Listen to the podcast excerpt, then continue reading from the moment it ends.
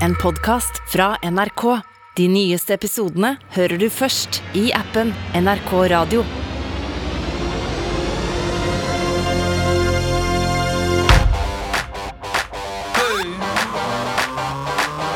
Popkorn over politikk med Sean Henrik Matheson og Gjermund Stenberg Eriksen.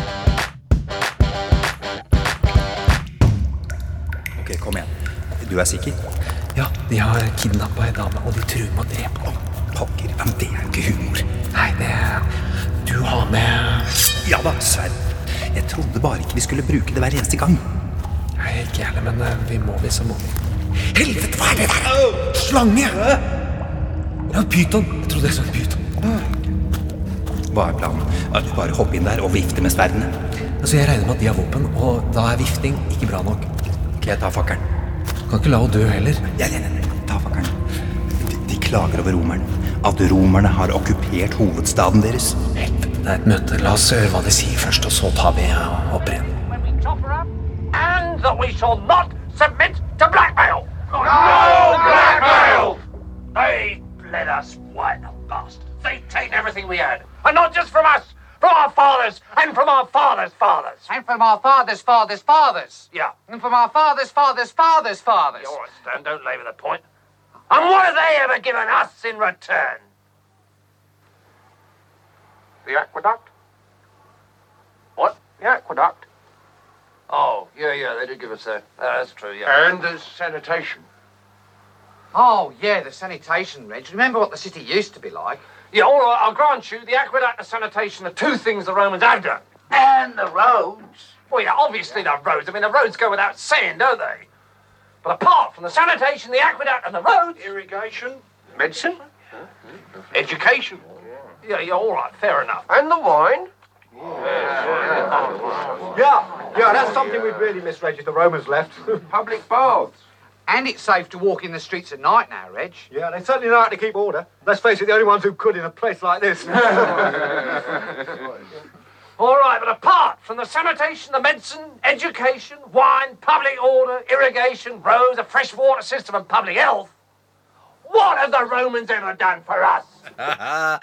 Velkommen til Popkorn og politikk. Jeg heter Sean Henrik Matheson. Gjermund Stenberg Eriksen er selvsagt også på plass. Sammen lager vi denne podkasten. Sammen med Super-Silje og Kanonion! Kanonion! Vi prøver å Det er ve veldig hyggelig at du som hører på, hører på. Eh, Et ørlite hørespill til å begynne med der. Det syns vi er gøy. Og det er også en pekepinn på hvordan vi jobber. Drama er jo en stor del av denne podkasten. Gjermund og jeg, vi lagde Trump mot verden eh, tidligere, altså om Donald Trump eh, og, og amerikansk politikk. Dette er vår oppfølger, eh, og nå har vi utvidet vårt, eh, vårt geografiske nedslagsfelt. Men altså, What have the Romans ever done for us? er da et glimrende metapoeng på hele podkasten vår, der Monty Python berettiget spør Vet du ikke at alt vi gjør, er romernes fortjeneste? Helt riktig. Eh, vi forklarer det som skjer da i, politikken rundt og omkring i verden, kanskje spesielt i Europa, eh, ved å bruke de samme grepene og virkemidlene eh, som brukes i TV-serier og, film og i fiksjon. da. Og dette kan vi gjøre fordi du, Gjermund, du er jo serieskaper. eh, Aberbergen Livstid, som jo vi snakka om forrige uke, hadde, hadde premiere i, fjor. Og, Furia, da, som er bare noen uker unna, ikke minst Mammon. Som du jo vant en Emmy-pris for. Jeg, jeg har lyst til å si det igjen, Gjermund. Kting. Kling. Eh, Denne podkasten lager vi eh, formiddagen fredag 27. august. I 1977. I dag det, skal det handle litt om humor, så jeg kommer til å være litt krampaktig ånd. Ja, for det var veldig, veldig morsomt. 1977, liksom. Ok, Gjermund, det skal handle om humor i serier og politikk, men, men du vil starte et litt annet sted.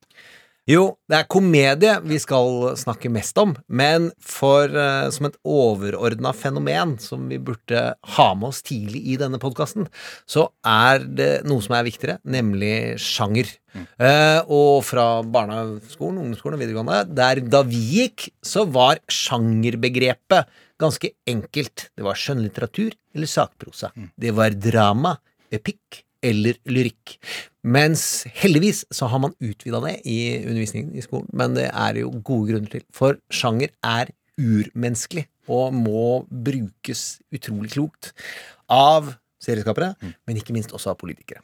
Mange bruker ord som konvensjoner, altså at det er rammer og vegger, men jeg liker bedre å bruke kat ordet kategorier. Det er inni mennesket dette er programmert.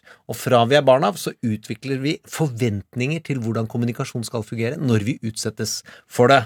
Og så kan vi Og så har vi da hørt på nå, Month Python, som er altså det minst omstridte som finnes å si i hele verden, er at Life of Brian er det morsomste filmen som er laget ok, greit. Eh, og Den er veldig morsom, Flying. Circus, Ja, ja. sketsjekomikken deres, Ja.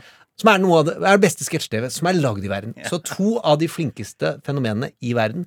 Allikevel så går John Cleese, som da er fra Cambridge, går på manuskurs når han skal lage film, og han tar kurset to ganger for å få kontroll på hvordan kategorier inni mennesker skal fungere når han skal bytte Mm. sjanger. Når du sier John Cleese er fra Cambridge, han har gått på Cambridge, ikke sant? Det er det du mener på universitetet der. Ja. Jeg vet ikke hvor han bor, Nei, men nei, nei, bare, bare, bare Ja, ja, er du gal? Si. Er du gal? Ok. Og sjanger, når vi lager fortellinger, eller om du er i politikk, så handler det om å utnytte et regelsett som vi enten spiller med eller spiller mot. Men det er alltid til stede. Og hvis du tror du flyter over eller under eller kan bevege deg på utsiden av sjangere, så er det veldig stor sjanse for at du feiler. Ikke minst komikere kan få veldig korte karrierer hvis de bommer, men politikere ikke forstå sin sjanger, eller ikke forstå at kontekst endrer seg fra rom til rom, fra program til program, fra samtale til samtale. Eh, Det kan eh, fort gjøre at du i hvert fall oppleves som uautentisk, for du oppleves som stiv, at du ikke tilpasser deg til der du er, og ikke er ekte. Og så kan du Dette her kan noen synes er litt slemt, men jeg elsker faktisk eh, Valgerd Svarstad Haugland. Syns hun var en utrolig anstendig politiker. Men jeg klarer ikke la være at vi må spille Du strømmer gamle melodier. Ja. litt smertefullt. Ja, og og det er- ikke minst for Valgjerd, selvfølgelig, eh, å høre det der, men ok. Ja, men ja, Dårlig det er illustrerende. Du må skjønne hvor langt du kan gå i den rollen du har. Kontekstforståelse. For, for all del. Og de som er ekstremt gode, er blant annet Joe Biden, Bill Clinton, George Bush. Må gi Donald Trump òg. Altså, vi kan si at han er ubehagelig i rommet, men han eier rommet, han definerer rommet, og han er sin egen sjanger. Eh, I dag skal vi heldigvis til England, som er det jeg mener, og det kan kanskje noen det er omstridt. Mm. Verdens Storbritannia, altså. Verdens morsomste øyrike. Ja, jeg skjønner, og så er jeg kanskje ikke nødvendigvis 100% enig med deg bestandig. Men ok, vi skal til eh, Storbritannia. Vi skal til What have the Great Britannians ever done for us? Et- Prøver du deg på det? Ja, for en gjeng det er. Gud bedre. Men ok, vi kommer tilbake til dette her. Um, jo, vi skal til eh, Storbritannia. Vi skal til eh, statsminister Boris Johnson. Vi skal snakke om kostskoleveldet, for, for å kalle det det. Vi skal også snakke om Labour-partiets relativt nye leder, Keir Starmer, ble leder i Keir Han er ikke skotsk. Jeg henter Han ja, kommer men- fra London. Ja, dette er beskjed til min kone. Hun er veldig glad i skotsk Ja, det stemmer det! Eh, vi skal snakke om Starmer og det britiske klassesamfunnet. Eh, og til å snakke om dette her får vi hjelp av selveste Yngve Kvistad, eh, forfatter og kommentator i, i VG. Eh, sist jeg snakka med ham, det er mange år siden, eh, så handla det om teater, for han er kritiker også, og det er veldig bra. Han kan eh, drama, eh, og det er vi opptatt her i Popkorn og politikk, og så er han England-ekspert også. Dæven og kunnskapsrik eh, han er. Det er vill... Han er eh. Hvis du tenker på en katamaran, en enorm, flott seilbåt, så behersker han alt, alle som løper rundt bak Shakespeare. Mm. Og det gjelder alle som skriver hva som helst. Og i den andre skuta alle maktmennesker i eh, Storbritannias historie. Det blir dritmoro. Vi skal også innom eh, USA, selvfølgelig, der eh, president Joe Biden tilsynelatende er i knestående, men vi har jo Nancy Pelosi på plass, den demokratiske lederen i Representantenes hus. Hun kom med som en slags superhelt og ordna opp. Ikke i forhold til Afghanistan, men i forhold til å få fart på økonomien i USA igjen. Og når jeg først da kaster ut eh, Afghanistan, eh, to terroraksjoner eh, ved flyplassen i går. Det er så grusomt at det er helt vilt. Foreløpig over 100 døde, blant dem 13 amerikanske soldater. Bare så vi har fått det med oss. eh, Hva, har du hørt om det? Hva snakkes det om i USA nå, Gjermund? Jeg tenkte at vi får ikke snakka dypt og mye om det. Og jeg kjente på det forrige uke, at vi tok for oss den amerikanske samfunnets eh, reaksjon på politikeren Biden og det som nå skjer i Afghanistan. Litt fleipete og litt eh, Jeg mener at vi ikke flåsa, men tragedien som er i Afghanistan, er jo alle de som blir igjen, og lyden som blir skrudd av når de hvite og vellykkede og soldatene som tilhører Europa og USA, reiser vekk, og at pressen da forsvinner. Eh, Det kjente jeg veldig på at vi burde tatt noe mer hensyn til. Eh, Det som skjer nå, når amerikanske soldater er drept, så blir det en politisk mulighet for eh, opposisjonen, som de har kasta seg over og fråtsa. Altså får vi se det, hvor mye de får ut av det. Men det kommer vi tilbake til. Uansett, det er utrolig vondt, det som skjer i Afghanistan. Det virker som det kommer til å fortsette å være smerte, så får vi håpe at folk ikke skrur av eh, input-kanalene sine uh, framover. Ja. Det skal ikke vi gjøre, men vi tar ikke Afghanistan i dag. Nei, vi gjør ikke det. Eh, Og jeg minner bare på at vi- dette spiller vi inn da på formiddagen, fredagen, og og skjer det ting som ikke vi snakker om nå, som er store og eventuelt grusomme, så er det derfor vi ikke snakker om det i dag, altså. Og nå kommer vi til å komme med en brå overgang. Og det kan du oppleve som litt rart, at nå går vi tilbake til komedien igjen. Det man bruker seriefaglig i verden, er noe som jeg har lært av min Yoda, som jeg ikke kan snakke nok varmt om, vi ikke skal gå inn på, men han heter Sven Klausen. Han kaller det en balkong. Det vil si at du er ved noe smertefullt og noe vondt, og da henger ofte kameraet med karakteren. Så setter man på en liten musikk som gjør det emosjonelt, for å minne seerne på at dette kommer vi tilbake til, dette tar vi på alvor. Og da skal vi dra i gang i humøret igjen, Ja. og da må vi huske på What have the Romans ever done for us? Tusen takk, Gjermund. Vær så god. Nettopp. Og som sist uke, og dette er da oppskriften vi, vi følger, ukas sidekicks. Små og morsomme, men av og til eh, mørke ting fra, fra nyhetene. Karakterer også, kanskje, som vi syns har dramatisk effekt, men som vi da ikke rekker å bruke altfor mye tid på. eh, Godteribiter, da, som vi har kalt det i alle år! Deg og meg, Gjermund. Eh, jelly beans. Jeg er veldig glad i jelly beans. Det er også sånn voksengodteri som barn ikke tar av. Eh, og jeg, min Hva slags favoritt barn har du? De er ganske glad i mye annet godteri. Det er det er Strawberry Det var rart. cheesecake-bitene. Jeg syns det er god. fantastisk hva de har fått til. Den er veldig, veldig god. Eh, først til et land Listen, don't mention the war. I mentioned it once, but I think I got away with it all right. Men kom i, seriøst! Jeg hadde ikke trengt å gjøre det der. Altså, Jo, det- den jeg begynner å elsker bli John gammel. Cleese, men- jeg elsker John Cleese, og jeg syns det der er morsomt. Og tilbake til eh, humor og komikk. Vi er- Noen kulturer tåler litt mer omtale enn andre. Vi er bedre enn som så, da, Gjermund. Goddammit. Fins Ok. ikke jeg jobba fire år med Tyskland, jeg. Vi skal åpenbart til Tyskland. Eh, en ørliten eh, fun fact. Eh, det nærmer seg valget med stormskritt. Eh, 26. september. Eh, mamma går av, Motti går av, Angela Merkel går av. Hvem tar over som forbundskansler? Et av eh, de virkelig spennende tingene ved dette valget, selvfølgelig. CDU, Tysklands kristendemokratiske union, partiet til Merkel. De sier Ordnung Mossein. OCD. Mm. Altså og- Men så er det CDO, for de har stabla det i riktig Er det vanskelig for deg som har et snev av OCD, Gjermund? Jeg har ikke OCD, jeg har Det er Tourette og har OCD! ADHD. Det er jeg som har OCD! Det er du som har Tourettes, stemmer det? De har ikke noen som på dansa.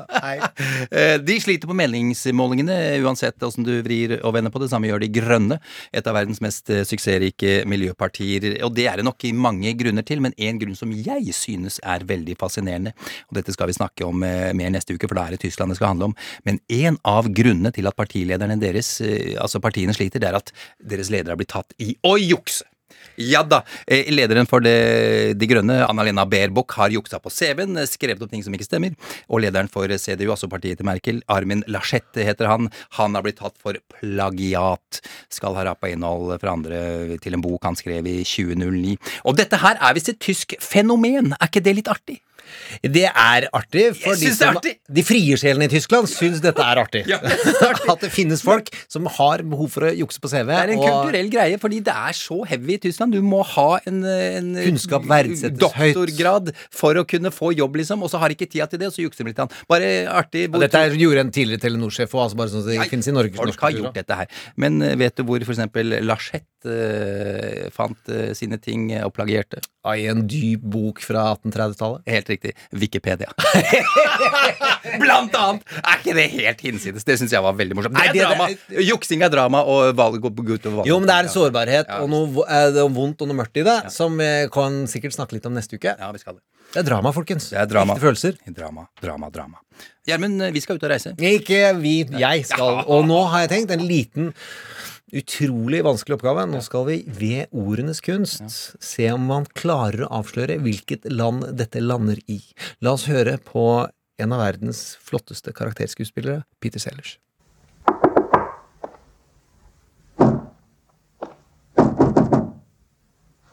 This is a door. Uh, yes, sir, that is a door. Yes, I knew that, I knew that. It's not locked, sir. Obviously. Stay where you are. I prefer to handle this Leon. Ja. Det er lenge siden jeg Panther, Classeux. Jeg skal til Frankrike på evenement Le Culture, og jeg vet ikke, det er lov å Helgrisen, sa jeg. Ja, det er litt helgris. Skal på seriefestival eh, og skal ha med Furia. Så vi skal konkurrere i et konkurranseprogram. Mm. Det er en åttendedels sjanse for å vinne. Det er sånn cirka antall løpebaner på en friidrettsbane. Så det kan jo enten bli utrolig moro, Mm. Warholm-aktig, eller veldig flaut. Kommer ikke ut av startskrekken. Uansett, der er Vince Gilligan. Mm. Breaking Bad-serieskaperen, og som også har vært med på X-Files. Mm. Og jeg har da tenkt å misbruke denne podkastens som Og ditt eget eh, ditt stilling som nominert i en Nei, nei, ja, det, nei, nei ja, det vet ikke om han vet. Men jeg bare sier Ja, jeg er forfatter og driver en podkast, så kanskje jeg får snakke. Ikke det. Kryss fingrene. Je suis, je m'appelle og fransk. Pass på å ikke helle deg altfor mye fransk rødvin før møtet. Eller er det det som er planen? Kanskje det er det som er riktig å gjøre? Jeg skal ikke ha med meg mye rødvin. Nei, nei, nei, det er en egen ting jeg ikke har drukket siden 2008. Jeg, For jeg liker- blir en annen ja, person. Ja, du liker mest hvitvin. Jeg visste egentlig det. Eh, alltid artig eh, og veldig skummelt, egentlig, å hilse på vår gamle antagonist eh, Donald Trump, eh, Gjermund. Good evening, ladies and gentlemen. Ja, hei. hei, Donald.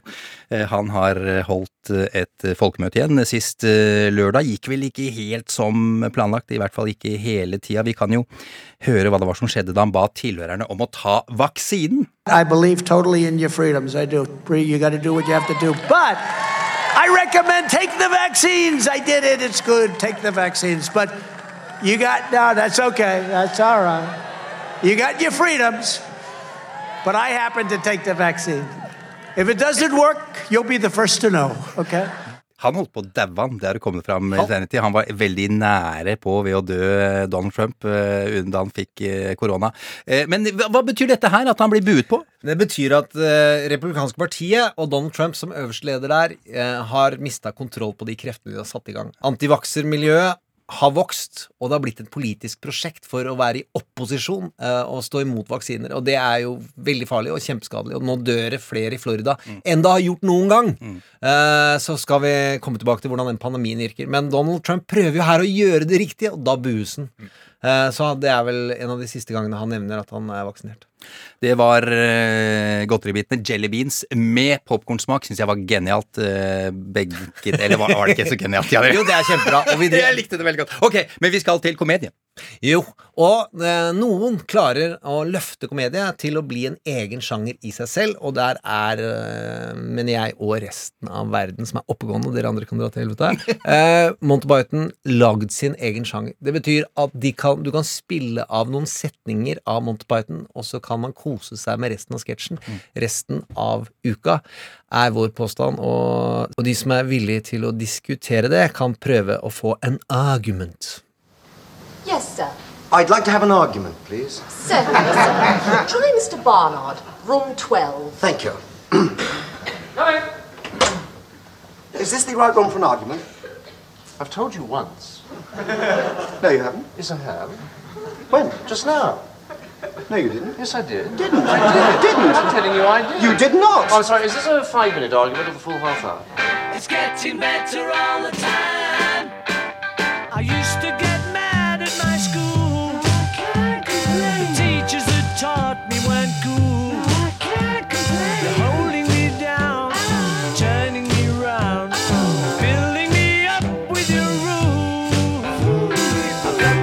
Admit, it's getting better, a little better all the time. I have to admit, it's getting better, it's getting better.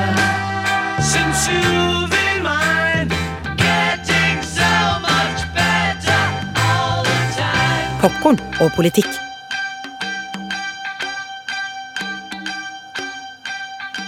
The Beatles. Det er da vel aldri feil, Gjermund, er det vel det? Du kan ikke Kan ikke la den henge der! er det Nei, vi jeg. Det, snakker om? det, nei, det, er, det er kanskje kanskje er en av de få tingene som er mindre brannfakkel å si enn at Life of Brian er verdens morsomste film. Vi skal til eh, Storbritannia. Det er ekstremt mye vi kunne ha snakka om. Eh, Men i stedet for harelabben, eh, så la oss ta et fenomen som er veldig viktig eh, for å forstå engelsk kultur og politikk. eh, Britisk. eh, Britisk. eh, Et fenomen vi ikke har her hjemme, Gjermund. God idé. Eh, Toetasjes busser. Nei, nei, ikke den gamle rutemasteren, nei. Nei, eh, sexskandaler. Nei, ikke det heller, faktisk. Ikke det. Kostskole. Eller boarding school, som, de heter, som det heter på de britiske øyer. Vi ser for oss gutter kledd i sjakett, hvit skjorte og stivsnitt, blankpolerte sko som med alvorlig mine vandrer rundt i gotisk arkitektur. Med tryllestaver. Nei, det er Hogwarts. Nå tenker jeg på Eton, den kanskje mest kjente og mest prestisjetunge skolen i England. Dette er den skolen den britiske kongefamilien sender sine guttebarn til. Jenter? Nei, er du gæren. Selvfølgelig ikke. Eton ble grunnlagt av Henrik 6. i 1440. 1440 det er lenge siden, men den første engelske kostskolen ble grunnlagt allerede i år 597 av den katolske munken Augustin av Canterbury. The King's School het den, i utgangspunktet et kloster. Skolen var et sted for å studere latin, kirkens språk, og meningen for elevene var å fordype seg i religion, ikke noe annet. Det er litt musikk for å holde gudstjenester, astronomi og matematikk for å kunne tolke kirkekalenderen, og juss for å kunne jobbe i administrasjonen i kirken. Eh, Og det var dette engelske kostskoler holdt på med i nesten 1000 år, for å oppsummere lynraskt noe vi gjør her eh, i Popkorn og politikk.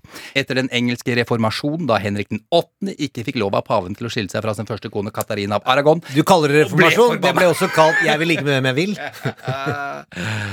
Eh, han ble forbanna, i hvert fall, og brøt med den katolske kirken. Da endret kostskolen seg. Det føydale system var på vikende front, og kirken og religion fikk mindre plass, og en mer moderne æra var på vei inn. Med en voksende markedsøkonomi, med kapitalismen på veien, måtte man i tillegg kunne matematikk, økonomi.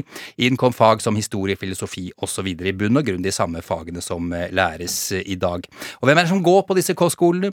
Det er selvsagt eh, eliten. England og Storbritannia tviholder på klassesystemet sitt, der arv og titler og penger står sentralt, selvfølgelig. Er du en nyrik IT-millionær, får du plass, men du må se og tilpasse deg tradisjonene så fort du bare kan, og det gjør de, for det vil de.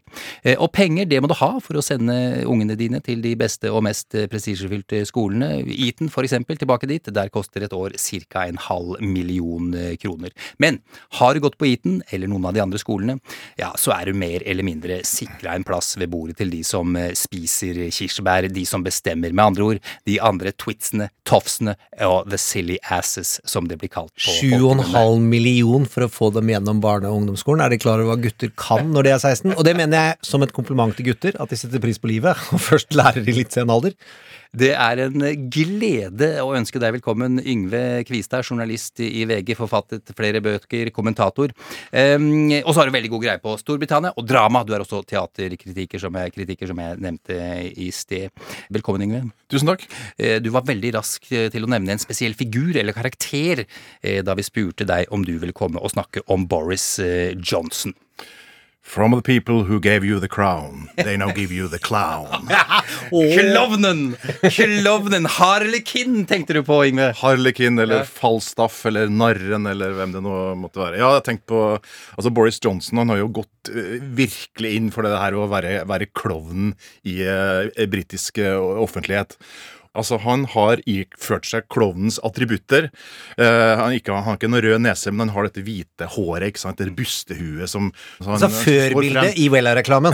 Ja, men han, han står frem, ikke sant? Han skiller seg ut Ja. fra de mer, mer eh, stringente, typiske Torry-politikerne. ikke sant? Eh, Han går i litt for store dresser. ikke sant? Det det har ikke vært noe problem for han å gå til en dress... Er det med en- vilje? Ja, ja, han kunne gått til en skredder i Savile Row ikke sant? og fått en sånn en mer sånn passformadresse. Churchill gjorde det samme. Han hadde jo enda større pondus, og han, han fører seg som en klovn. Når han går Han har aldri sånn powerwalk som, som statsmenn. ikke sant? Han kommer litt sånn slentrende, litt sånn foroverlent, litt sånn på skrå, veiver litt med hendene. Liksom, ikke sant? Og, og det første han gjør, er å slå av en vits, en, en, en, en blødme, gjerne et, et ordspill. Dette har han gjort stor suksess med gjennom, gjennom alle de år, fra han gikk på Eton skjønte jo at her, han sto, så, han, han sto ikke ut på det viset. Han måtte finne på ting. Og det er jo da at Alexander de Pfeffel, som han egentlig heter, finner opp Si Boris Johnson. egentlig. Altså, hva, hva var det? Alexander de Alexander de Pfeffel. Det høres jo veldig overklasse ut, Ja, men han ja. er jo ikke en overklassegutt. eh, Ja, altså, de, Han er jo fra en familie med, med, med penger. Ja. Eh, og det flyter jo litt sånn ottomansk adelig eh, blod inn, osv. Så, videre. så han, da han oppfant denne figuren, Boris Johnson, så skjønte han at her må jeg spe på litt også. Han har alltid vært liksom glad i å snakke. Uh, han har en, en vits på lur, uh, slår en, uh, en, en blødme. Problemet er bare at han nå så har han, kom, han har antageligvis nådd sitt inkompetansenivå. Altså han sånne ting. Han, han, han faller igjennom. Han, han dummer seg ut, han skjemmer seg ut, han skjemmer ut eh, folk rundt seg. Men, men denne strategien som han da åpenbart har valgt seg, hvor, hvorfor det? Hva er det det fører til? Jo, for det første så er nettopp han, han skiller seg ut. Han skiller Mm. seg ut i mengden. Når han går på scenen for å holde en tale, så buster han til håret. ikke sant? Og dette er avslørt flere ganger. Når det påpekes fra kritikere ikke sant, at han oppfører seg som en klovn, han oppfører seg som en idiot, som en det er til og med sagt dumbass, så rykker jo forsvarerne ut. ikke sant? Og Forsvareren sier ja, de, de, dere, dere kaller han en klovn ikke sant? og, og blir, for, blir forbanna. da. Så han engasjerer da sine Han sementerer tilhengerne og får i gang motstanderne. En folkelighet da er også det er en folkelighet i det, men, men altså, den folkeligheten er som sagt, den er, den er veldig kalkulert. Og så spiller han naturligvis også på det med at at klovn ikke sant? Klovn er forventa å si sannheten. Narren. Og sånn har han holdt på hele tida. Og også Da han var journalist i, i Brussel, så var han også på en måte liksom the voice of reason. Fordi at han skrev om, om agurkens krumning og bananer. Han skrev om alle de tullete forslagene fra, Potetgull med rekesmak. Ja, ikke- sant? Og, og, alle de, gre- og, og alle de greiene som bare var bløff. Altså, han, visste, han visste at det bare var tull, ikke sant? men han, gjo- men han gjorde det fordi at han fikk sitt publikum. Men åpenbart så har han dratt dette for langt, for du sier nå at han eh, nå begynner å. Han er, eh, det fungerer ikke lenger for ham. Nei, altså Torypartiet øh, ville ha han fordi at de, de visste at han kunne vinne valg. Altså, Mm. Samtidig så vet de at han er ikke noen leder. Han, han kan vinne valg, men han, ikke, han, han kan ikke være statsminister. Han syns det er morsommere å bli statsminister enn å være det. Og så er han jo notorisk lat, så det, det er jo det.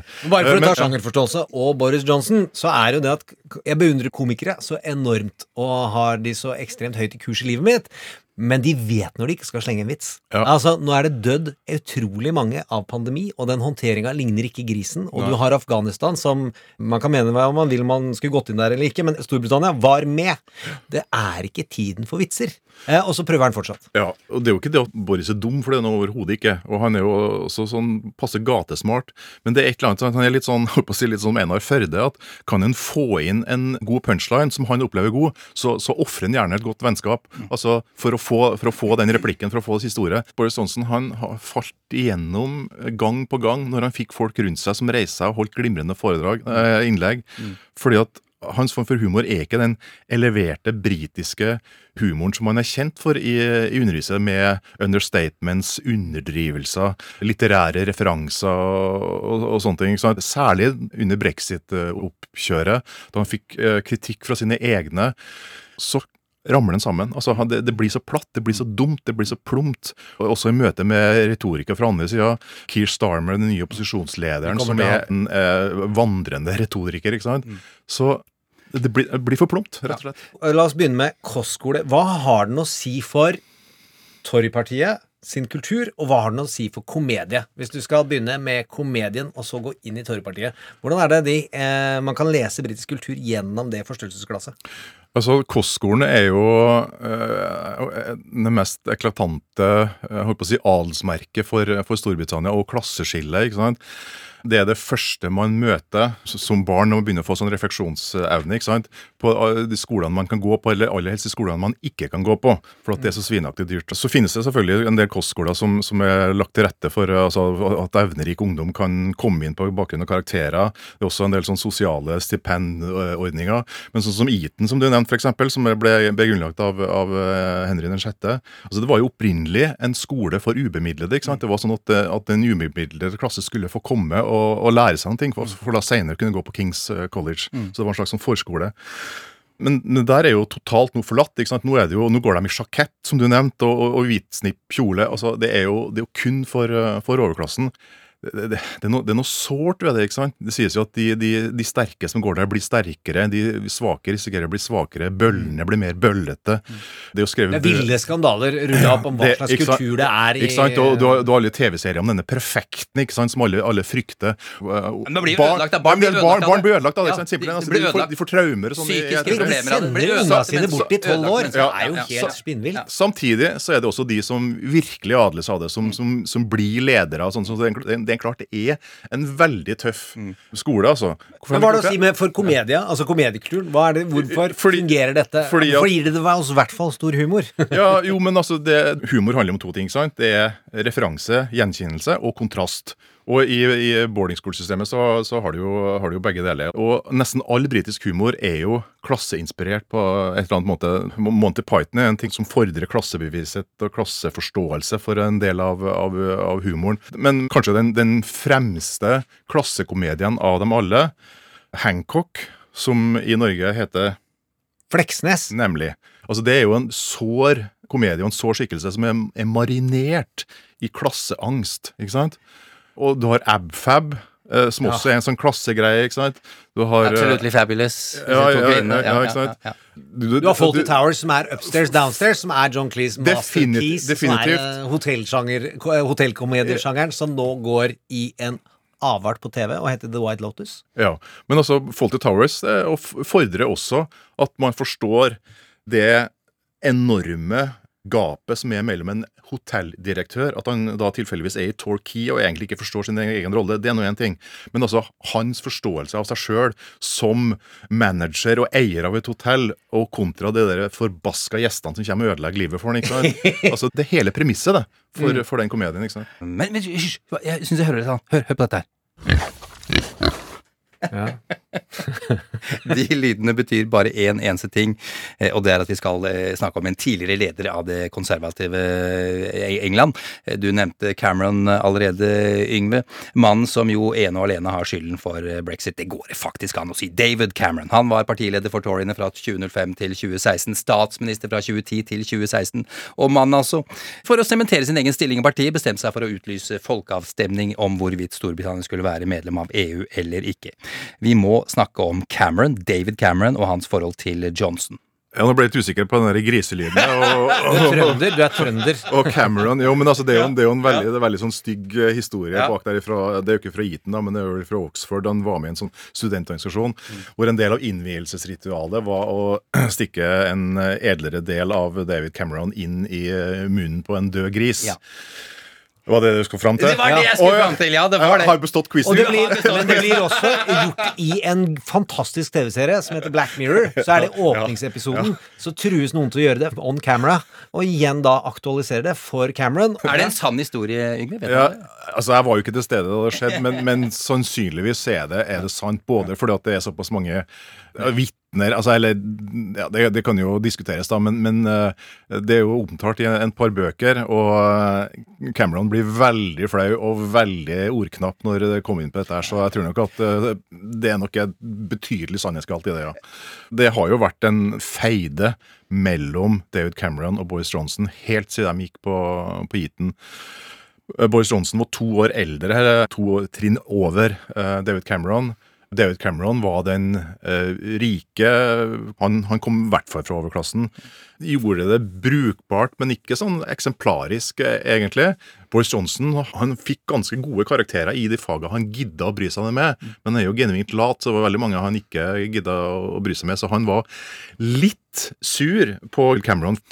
Dette strides jo om egentlig begge to, da, om det var på Eton eller om det var senere at de inngår en slags, eh, ikke et veddemål, men en, mer som en sånn pakt, da, som handler om løpet til Downing Street. Og folk eh, rundt dem som hører om dette, blir jo litt sånn fnisende, for at det er jo ingen som tenker at Boris Johnson vil evne det. Men sjøl så tenker han det. Han har jo i en alder av eh, fem år sagt at han skal bli konge av verden. Ja, Han konge av han verden. skal bli world king, ikke sant? Så selvbildet der er jaggu ikke noe veien med. Og så- men så går det jo ikke hans vei. For det første så blir han jo da utkonkurrert av, eh, av eh, David Cameron på universitetet. Altså Han får eh, straight ace, eller ones, da. Altså Han blir nummer én i kullet. Og så, men så skjer jo det at David Cameron begynner å gjøre karriere i partiet. Han blir valgt inn. Han er en mer safe bet. ikke sant? Han er en fyr som også gjør hjemmeleksa si. Han er, han er dyktig i debatter. Han er ikke noe wildcard. Han, han finner ikke på ting. ikke sant? Han sitter ikke og dikter opp. Eh, Boris Johnson har jo mista to-tre jobber allerede pga. Løgn. ikke sant? Han mista jo først en jobb i The Times for at han så hadde dikta opp eh, sitater og dikta opp historier. Så mista han jobben som visegeneralsekretær i, i, i partiet. Eh, Så fikk han også fyken som skyggekulturminister fordi at han har bløffa med en utenomekteskapelig affære. For en gangs skyld. Han havnet litt på sidelinja på et sidespor, men han klarte jo å bli jo borgermester i, i London, da. Og det er jo ikke noe, det er ikke noe dårlig jobb, der, sjøl om det er, litt, det, det er litt sånn, litt, det er litt sånn snorklipping og posørjobb, for så vidt. Men det passa, passa han veldig godt, og hans lynne, og ikke minst det at han da kunne fortelle dårlige vitser. Og, og, og, og, sant? Jovial fyr, vet du første uttrykket for at nå er det virkelig ta kamp på kniven, det er en scene som utspiller seg i Downing Street. Boris Johnson er i Downing Street for å få David Cameron til å bevilge mer penger til London. Og Boris Johnson begynner å få til ting. Han begynner å bli en populær borgermester. Eh, han skjønner det at han har en godvilje og kan spille på noe ting til Cameron. Og så sitter jo Cameron der, en statsminister, og er litt sånn eh, han, Plutselig så han merker at nå er det han som er ovenpå. ikke sant? Det er han som har kontrollen. Eh, Boris eh, er litt på tiggerferd, og det er en situasjon som han nyter ganske godt. da. Og så hevdes det da at eh, David Cameron han har et ark med noe budsjettall på Anne Greig som han driver og vifter litt med. ikke sant? Og det ender med og Boris Johnson prøver å få tak i snappe til og se hva som står der. Så ender det med altså et fysisk håndgemeng ute i gangen i Downing Street nummer 10. Mens tjenerskap slåss. De slåss om arket. Og hvem som til De er syvende og på sist Nemlig. Og, og den som syvende og sist fikk tak i det, da, det avhenger av hvem som forteller den historien. Stilig sånn. Det er helt nydelig. Um, Hvorfor legger Cameron Eng altså Storbritannias medlemskap i EU i potten for å få overtak på Boris Johnson? Det var vel ikke det som skjedde, egentlig. Han eh, trodde jo at han skulle roe ned gemyttene i eh, partiet, i det konservative partiet, og ikke minst holde Nigel Farage og den anti-EU-gjengen på en armlengdes avstand. Han var ganske trygg på at han hadde flertallet i partiet i, i ryggen, og han var også ganske sikker på at Storbritannia ønska fortsatt å være medlem i eh, EU.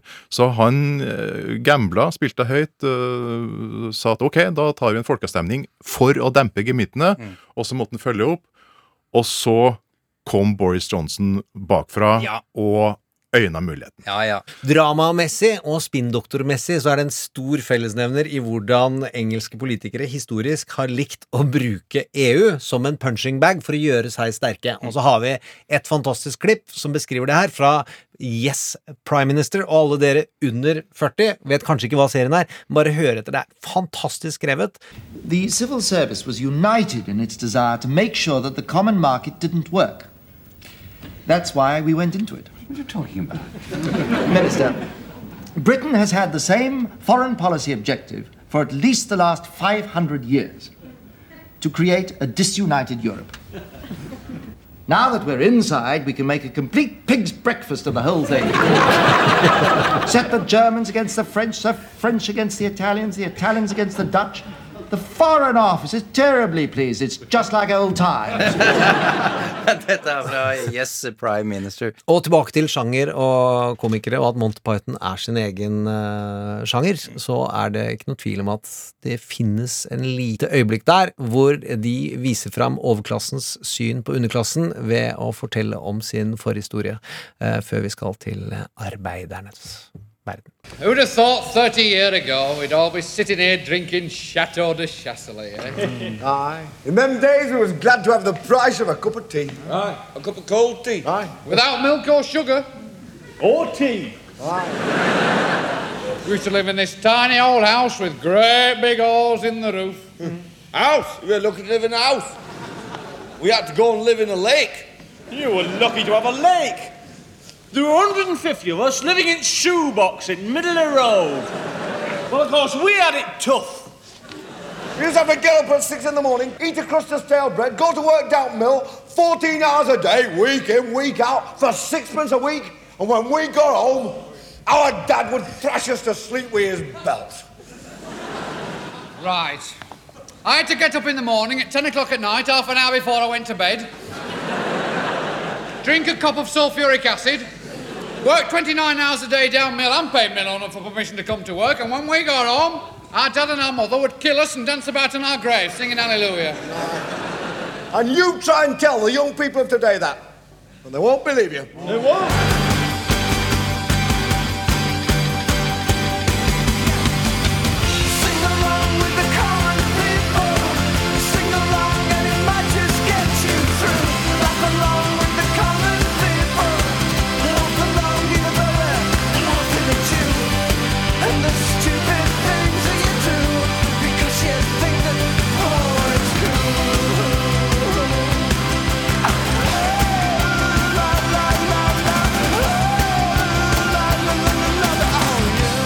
Popkorn og politikk. Pulp, eh, der eh, Common People, som jo handler om et eh, møte mellom en eh, overklassekvinne, syns jeg det hadde vært litt artig å henge med vanlige folk. Common eh, People. Eh, England eh, og Storbritannia har jo alltid vært et eh, delt eh, samfunn. eh, Et eh, klassesamfunn som har bestått av en herskende klasse og alle de andre, hvis vi maler med bred pensel. Eh, Og som vi elsker, i hvert fall vi som står utenfor og ser inn. Vi har sett seriene Downton Abbey, Bridgerton, eh, Belgravia, The Crown, selvfølgelig.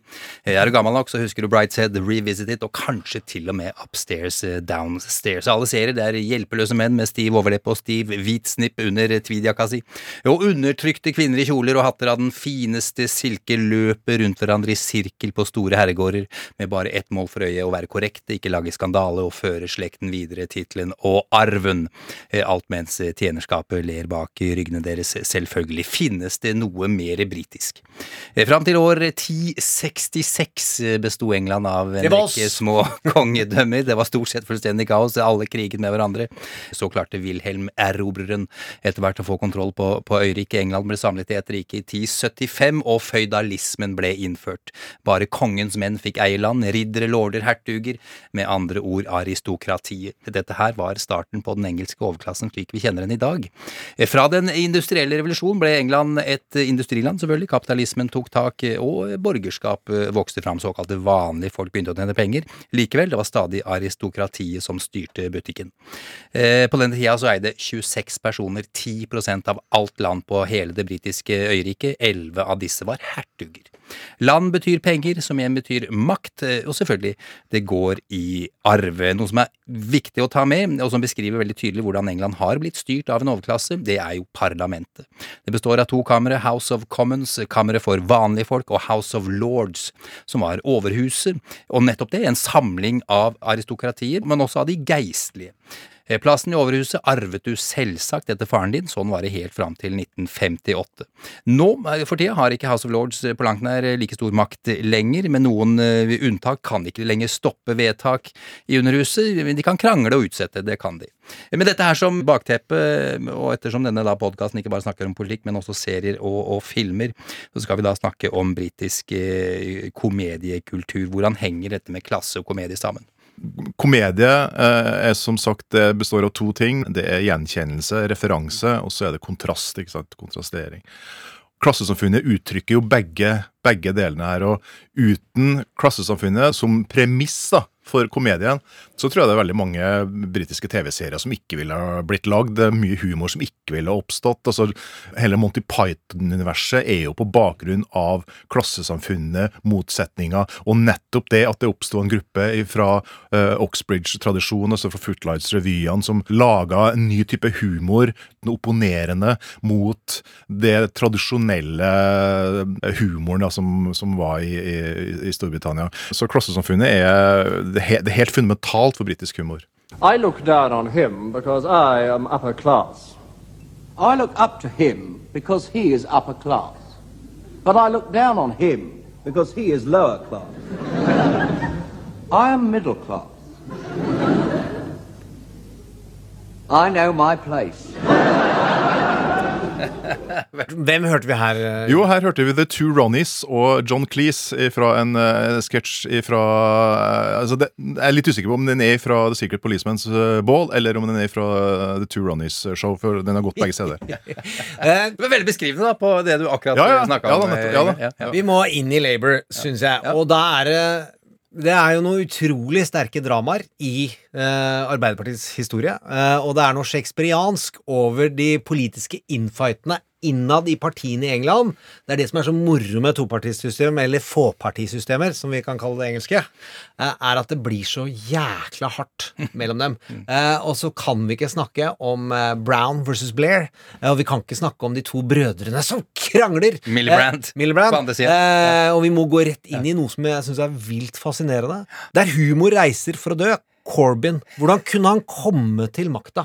Hvordan kom dette humørløse eh, liket av et menneske Så voldsomt Jo, dratt men, ja, det er, jo- jo, men dette jeg, jeg syns det er så vilt provoserende at ikke det er den flinke som vinner. Jeg vil, jeg vil bare Jeremy Corbyn eh, snakker om nå Hvis du var lytter, så ja. beklager det, du, er, du har en gråtone i huden. Alt i orden. Han var jo Labour-leder fra 2015 til 2020. Dro jo partiet veldig sterkt til venstre, ble kalt for knallhard eh, sosialist. Var nå veldig populær da, blant eh, velgerne til å begynne med. Partiet fikk en haug av nye medlemmer. eh, Tok Labour opp til 40 eh, av stemmene ved valget i 2017, men så valget i 2019 så gikk det jo katastrofalt dårlig. Hva er dette for en karakter, Yngve?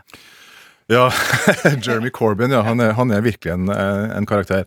Han, eh, altså, han er jo kalt både stalinist og, og til venstre for virkeligheten. Og, for de som, og de som ikke kan mye politisk ideologi, det er ikke et kompliment. Nei. Samtidig så har Jeremy Corbyn på mange måter fått et litt ufortjent eh, dårlig ettermæle. Fordi at eh, Altså, da han ble valgt, så var det fordi at Unnskyld uttrykket, brødrene Miliband hadde fucka opp både partiet og, og seg sjøl. David Miliband, den opplagte som skulle tatt over eh, partiet, tidligere utenriksminister under to eh, statsministre, han eh, gjorde jo sjøl et, et forsøk på å bli partileder. Så dessverre skrev han en, en, en ettertiden berømt kronikk på tror jeg var 10 eller 12 000 tegn og sånt, om restruktureringa av sosialdemokratiet og sosialdemokratiske partiet, uten å nevne Gordon Brown med ett ord. Og dermed så, ja, så sendte han seg sjøl utover sidelinja. Og så var det da lillebror Ed dukka opp og ble leder, og fullførte oppfuckinga igjen, unnskyld uttrykket, av partiet, sånn at det lå da uh, nede. Men han, noe av det siste han gjør, det er at han innfører en ordning der man kan kjøpe støttemedlemskap i Labour. Bare tre pund, only three pounds, three quids. Og så får du være med å stemme på den nye lederen i Labour. Og det var det som skjedde, og det fagbevegelser, alle som var på venstresida, eller til venstre for sentrum, så jo denne muligheten at nå kan vi være med å stemme og bestemme hvem som skal bli ny Labour-leder. Og hvem var det som posisjonerte seg da? Jo, det var Jeremy Corbyn. Fordi at han hadde, han hadde egentlig ryggen fri. Han hadde vært i, i så klar opposisjon som backbencher til ledelsen i, i Labour. Det var ingenting som hefta igjen, rent bortsett fra at han var stalinist. Unnskyld, eh, igjen, unnskyld uttrykket. Og antisemitt, sier noen. Men ja, ja, den sier noen, sier ja. noen. Jeg mener ikke at han Han var antifascist, og han har, han har, dette med antisemittismen har kommet inn som et leit problem seinere. For han har ikke klart å renvaske seg fra det. det Han ble i. til partiet til slutt. Ja, ja da. Ja. da han må tatt inn Men- igjen, da. ja. Men, men i hvert fall, han vant med en skikkelig, det som på godt norsk heter en landslide. Mm. Uh, og det var ingen tvil om at han var den soleklare leder av, av Labour-partiet. Riktignok på et program eh, ikke tufta på virkeligheten, men på hans eh, tolkning av hva Labour kanskje kunne komme til å bli. Mm. Og som du sier, han gjorde et, et kjempevalg. Det, kan, det kan ingen ta ifra han. Men så evner han jo ikke lede partiet, fordi at på et, i likhet med Boris Johnson, på et eller annet tidspunkt så når du et nivå hvor du kommer ikke lenger med form. Så, hva var det, så, så det rakna fullstendig. Hvorfor gjorde du det da? Nei, altså det var jo blant annet, for at han, han, hadde jo ikke noe, han hadde jo ikke noe særlig nye ideer. Han hadde jo ikke moderne ideer om hvordan å føre verken sosialdemokratiet eller bruke sosialdemokratiet som politisk virkemiddel og verksted i, i Storbritannia. Altså, han var jo en easy match for, eh, for David Cameron eh, og etter hvert også eh, Boris, og Theresa May og Boris Johnson. Og inn kom jo dagens eh, leder, da, Keir Starmer. Keir Starmer! Han er fortsatt ikke skotsk. Nei, han er ikke skotsk. London. Kommer fra London. Han er jo sønn av en verktøymaker. Helt riktig. Men hvem er Keir Starmer? Han er jo en uh, stor retoriker. Han er jo virkelig en som passer inn i, i parlamentet i, i Storbritannia. Han Dette er mitt bankende hjerte. han, han er tidligere leder for påtalemakten i eh, England og Wales. Han er, er slått ridder av den eh, årsak. Han er jo sir Keir, ikke sant? Er en fryd å høre på i fri dressur i, eh, i politiske debatter. Han, han ble valgt da coviden slo inn, og har sittet og, og snakka til sitt publikum fra soverommet. Han, han har vært på Teams! Han har vært partileder på Teams. Så klart, han har, jo- han har ikke fått lov til å, å blomstre. Men dag én, da han skulle møte for første gang Boris Johnson i åpen debatt til da, den såkalte spørretimen onsdag klokka ni Altså Boris Johnson han sto til slutt bare og stotra. Han var ildrød i toppen. Vi om- legger ut den talen på Facebook-sida vår. Og mot da det, det, det hvite håret. Han, han, han, så ut som han var i ferd med å eksplodere, hvilket han også var. Og så, og så begynner han sånn "D- d- d- But you're just attacking me! Han, han, han, har, han har gått tom for argument. Og da står det altså i The Daily Telegraph, The Daily Torygraph, altså den mest regjeringstro, konservative avisa. Han skriver at Keir Starmer vaska gulvet med Boris Johnson. Altså Det var så overveldende. Og dette har han jo eh, gjentatt flere ganger. Men så begynte Boris Johnson ikke å skjønne at ok, her må jeg, må jeg faktisk gjøre hjemmeleksa. Jeg må forberede meg litt på hva som kan komme. Og så har jo Boris Johnson opplevd det at han møter jo ikke noe særlig motbør på de ulike f.eks. covid-tiltakene og sånt som, eh, som regjeringa foreslår. Tvert imot. Flere ganger så rett før at regjeringa skal, skal foreslå et tiltak, to dager før så kommer det ut som et forslag fra Keir Starmer. Altså Han er enig med regjeringa på dette. her. Og dette har jo forvirra Torjepartiet totalt. Det har også forvirra Labour. For de har liksom tenkt eh, er det her noen sånn hemmelig strategi som ikke vi forstår? Der har Keir Starmer eh, sannsynligvis gjort en helt korrekt vurdering. For han tenker som så at ok, regjeringa er eh, de har vært mektig upopulære for at de ikke gjorde noen ting. De stengte for seint, åpna for tidlig. Men når de gjør ting riktig, eh, med alt fra Mm. testing og, vaksinasjon og sånn, så kan ikke vi sitte og, og krangle på det. Det må vi være enig i. For at da er regjeringa populær, og pluss at det er smart politikk. Ulempen med det der er jo at han har sagt ja såpass mange ganger at det har det har dempa den debatten som er veldig vanlig, og som er vanligvis veldig god i, eh, i House of Commons. Så man har jo lurt på liksom når, når skal dyret, når skal retorikeren Keir Starmer våkne opp igjen? Vel, det gjorde han Etter den fjerde bølgen. Nei, han våkna for en uke siden da de diskuterte Kabul og, og det som skjedde der. På, på den første dagen da, som også var den første dagen etter ferien de samla seg. Altså det er en, Jeg får nesten frysninger på armen når jeg, når jeg tenker på Jeg gikk tur med bikkja, så hørte jeg direkte overføring på Times Radio om Mm. morgenen fra den debatten. Boris Johnson falt gjennom som en klut. Keir Starmer, ho- hovedinnlegget hans, det var altså så pregnant, så skarpt og så det var så to the point at eh, han fikk eh, altså Applausen han fikk, kom i hovedsak fra motsatt side. Det kom også fra, fra, fra Tory-sida. Og så, eh, når da de konservative skal svare, så reiser Theresa May seg og holder en like glimrende tale. Og det er da konservative kommentatorer både i The Times og Daily Telegraph, men dette var The Times, skrev etterpå at det hørtes ut som at vi endelig hadde fått en statsminister igjen. Ja. Eh, Jeg tør jo ikke spå hvor lenge Boris Johnson sitter, for jeg trodde jo han var ute før han kom eh, til topps. Jeg tror nok han men, altså, men jo, men altså, han er på en måte også en sånn type stayer, for han er en sånn som vinner valg, og det å vinne valg er, er viktig. sånn at, at ja, han er litt på sida akkurat nå, men han plutselig så han kan ta en periode til, han, og da har han sittet i ti år. Jeg gleder meg til den nærmeste tida og tror den kampen som Starmer og Johnson kommer til å fortsette. Ja. Eh, For han liker ikke å tape. Eh, Og så er det jo mm, skumle sider ved Boris Johnson nå, i hvor villig han er til å gå, være grenseoverskridende for å beholde makt og beholde oppmerksomheten. Nei, om, om eh, Boris Johnson så har jeg sagt det at å, å assosiere Boris Johnson med sannheten er blitt en stående vits. Det er derfor han har kommet så langt. Og det er ikke noe som uh, han har sagt jeg har påstått en annen Det er, det er rett og slett folk i hans eget parti. Dette er en uh, tidligere nær medarbeider uh, som har sagt om Johnson. Da skal vi fra en som ikke får bare poeng for sin maktbruk, og over til en dame som eh, heter Nancy, og som eh, har eh, gjort det relativt bra denne uka, og som folk har undervurdert.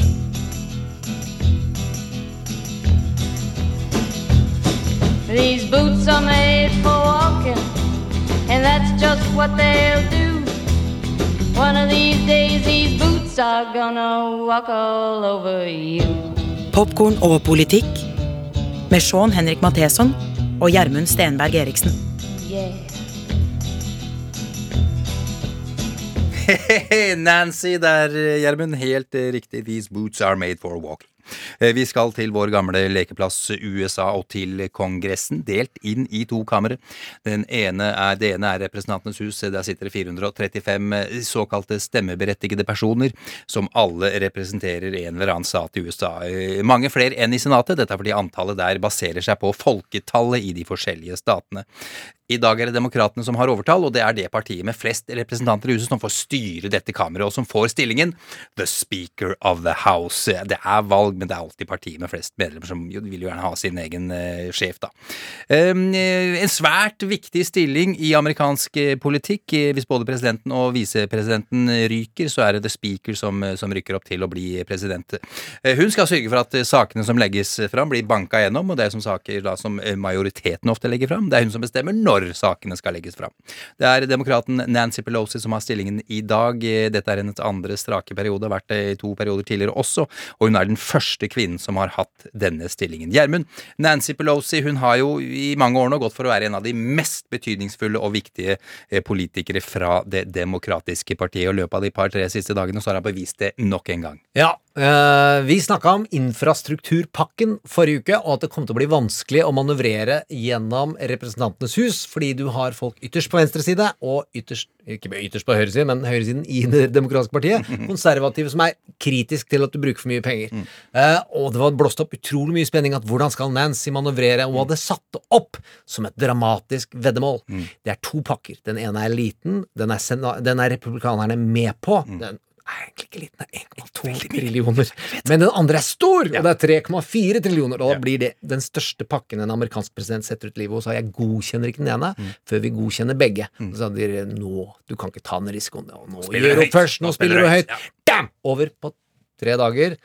De motsta- motstanderne hadde ikke sjans. Ti stykken var det som var, trodde at de i Det demokratiske partiet kunne stå imot Nancys eh, maktbruk. For det Speaker of the House de kan påvirke utrolig hardt enkeltmedlemmer ved å nekte å gi dem penger og sørge for at de hives ut av komiteer, og at du ikke blir gjenvalgt på en helt annen måte enn i Senatet. Så for å summere opp kort It was boots made for walking, and she walked over them and into Uh, power. Og alt dette kunne hun gjøre fordi demokratene har overtall. Dermed kunne hun da også presse de som eventuelt skulle begynne å krangle på denne pakka, ikke sant?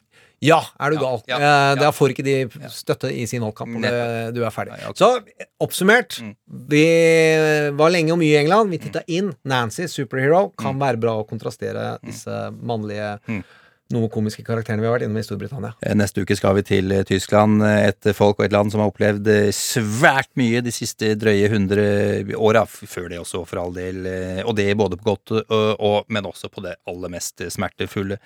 Og alt dette har gjort Tyskland til det landet det er i dag. Men hva slags land er det egentlig? Det var cliffhangeren min. Syns du den var fin, eller? Ja, ja. Nydelig. Eh, Gjermund, eh, når du setter deg på toget hjem eh, i dag, eh, så vil jeg at du skal reise deg opp og rope Hei, hør på popkorn og politikk, da! Ja, vi må det. Dette må spres, folkens. Hvis du liker det du hører, stopp folk. Ta mobiltelefonen deres. Eh, legg inn vår podkast som fast eh, lytterspalte, og få dem til å sende det til alle sine kontakter på forhånd. Takk. Takk for at du gjør det. Avslutningsvis, vi har snakka nå om komedier og komikere og komiske roller. Og der har jeg lyst til å si at eh, jeg kaller meg sjøl eh, serieskaper. Jeg bruker ordet forfatter, manusforfatter. Innimellom kaller jeg meg planner og har vært sjefstrateg. eh, og eh, skribent har også smykka meg med sånne ord. Tar, det ganske, tar lett på det. Eh, Noe av det viktigste jeg prøver på her i verden, er å være morsom, men jeg vil aldri kalle meg komiker. For det har jeg ekstremt mye respekt for. Og det er jo det som er vondt i den tiden vi er i, at komikere eh, angripes, at komikken eh, blir trangere, at karikaturtegnere får dårligere kår, at New York Times slutter med karikaturtegnere. Det er enorme skandaler, og jeg syns at man skal tenke på norske komikerstand.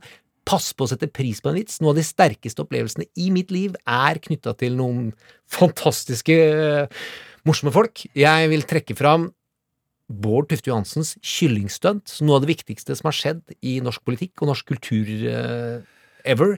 Jeg syns Kristoffer Skaus prosjekt Forfall, hvor han satte seg inn i et vindu og fikk hele Norge til å stemme på hva han skulle gjøre, og utsatte oss selv for oss selv, er noe av det flotteste kunstneriske og komiske prosjektet jeg vet om. Og helt til slutt, etter 22. juli, så var det utrolig mye debatter og mye, mange diskusjoner, men noe av det flotteste samtalen som virkelig pekte på hvordan det er å være sint hvit mann, og når all inputen er råtten, så kan det gå fryktelig galt, var Trygdekontoret med Thomas Seltzer, og der satt Odd Magnus Williamsen og sa noe av det klokeste jeg vet om. Jeg elsker komikere, eh, og det han og Kvistad sa kontrast og identifikasjon. Jeg vil legge til innsikt, klokskap. Smerten komikere bygger på, er at de forstår verden og klarer ikke la være å bruke humor for at vi også skal se den. Og Derfor tar Monty Python og inviterer opp på scenen noe som kunne vært forsonende for komikere. How sweet it is to be an idiot. De er ikke komikere. Vi ses neste uke. How sweet an idiot, as harmless as a cloud, too small to hide the sun, almost poking fun at the warm but insecure, untidy crowd. How sweet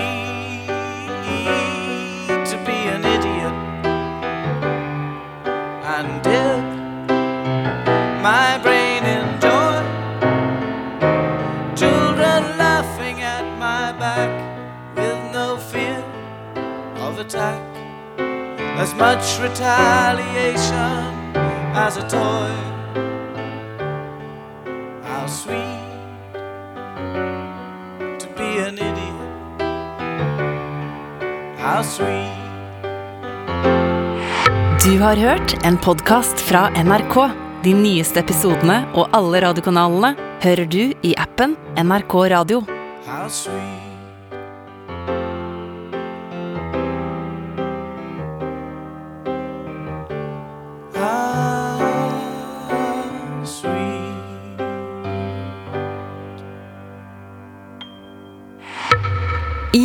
Appen NRK Radio kan du nå høre nye episoder av denne podkasten én uke tidligere enn i alle andre podkast-apper. Du får også tilgang til mer enn 150 podkaster, 16 radiokanaler og NRKs enorme lydarkiv. Alt dette ved å laste ned appen NRK Radio. NRK Radio. Vi hører sammen. I'm so looking forward to seeing your mother again. When I'm with her, I'm reminded of the virtues of the English. But isn't she American? Exactly.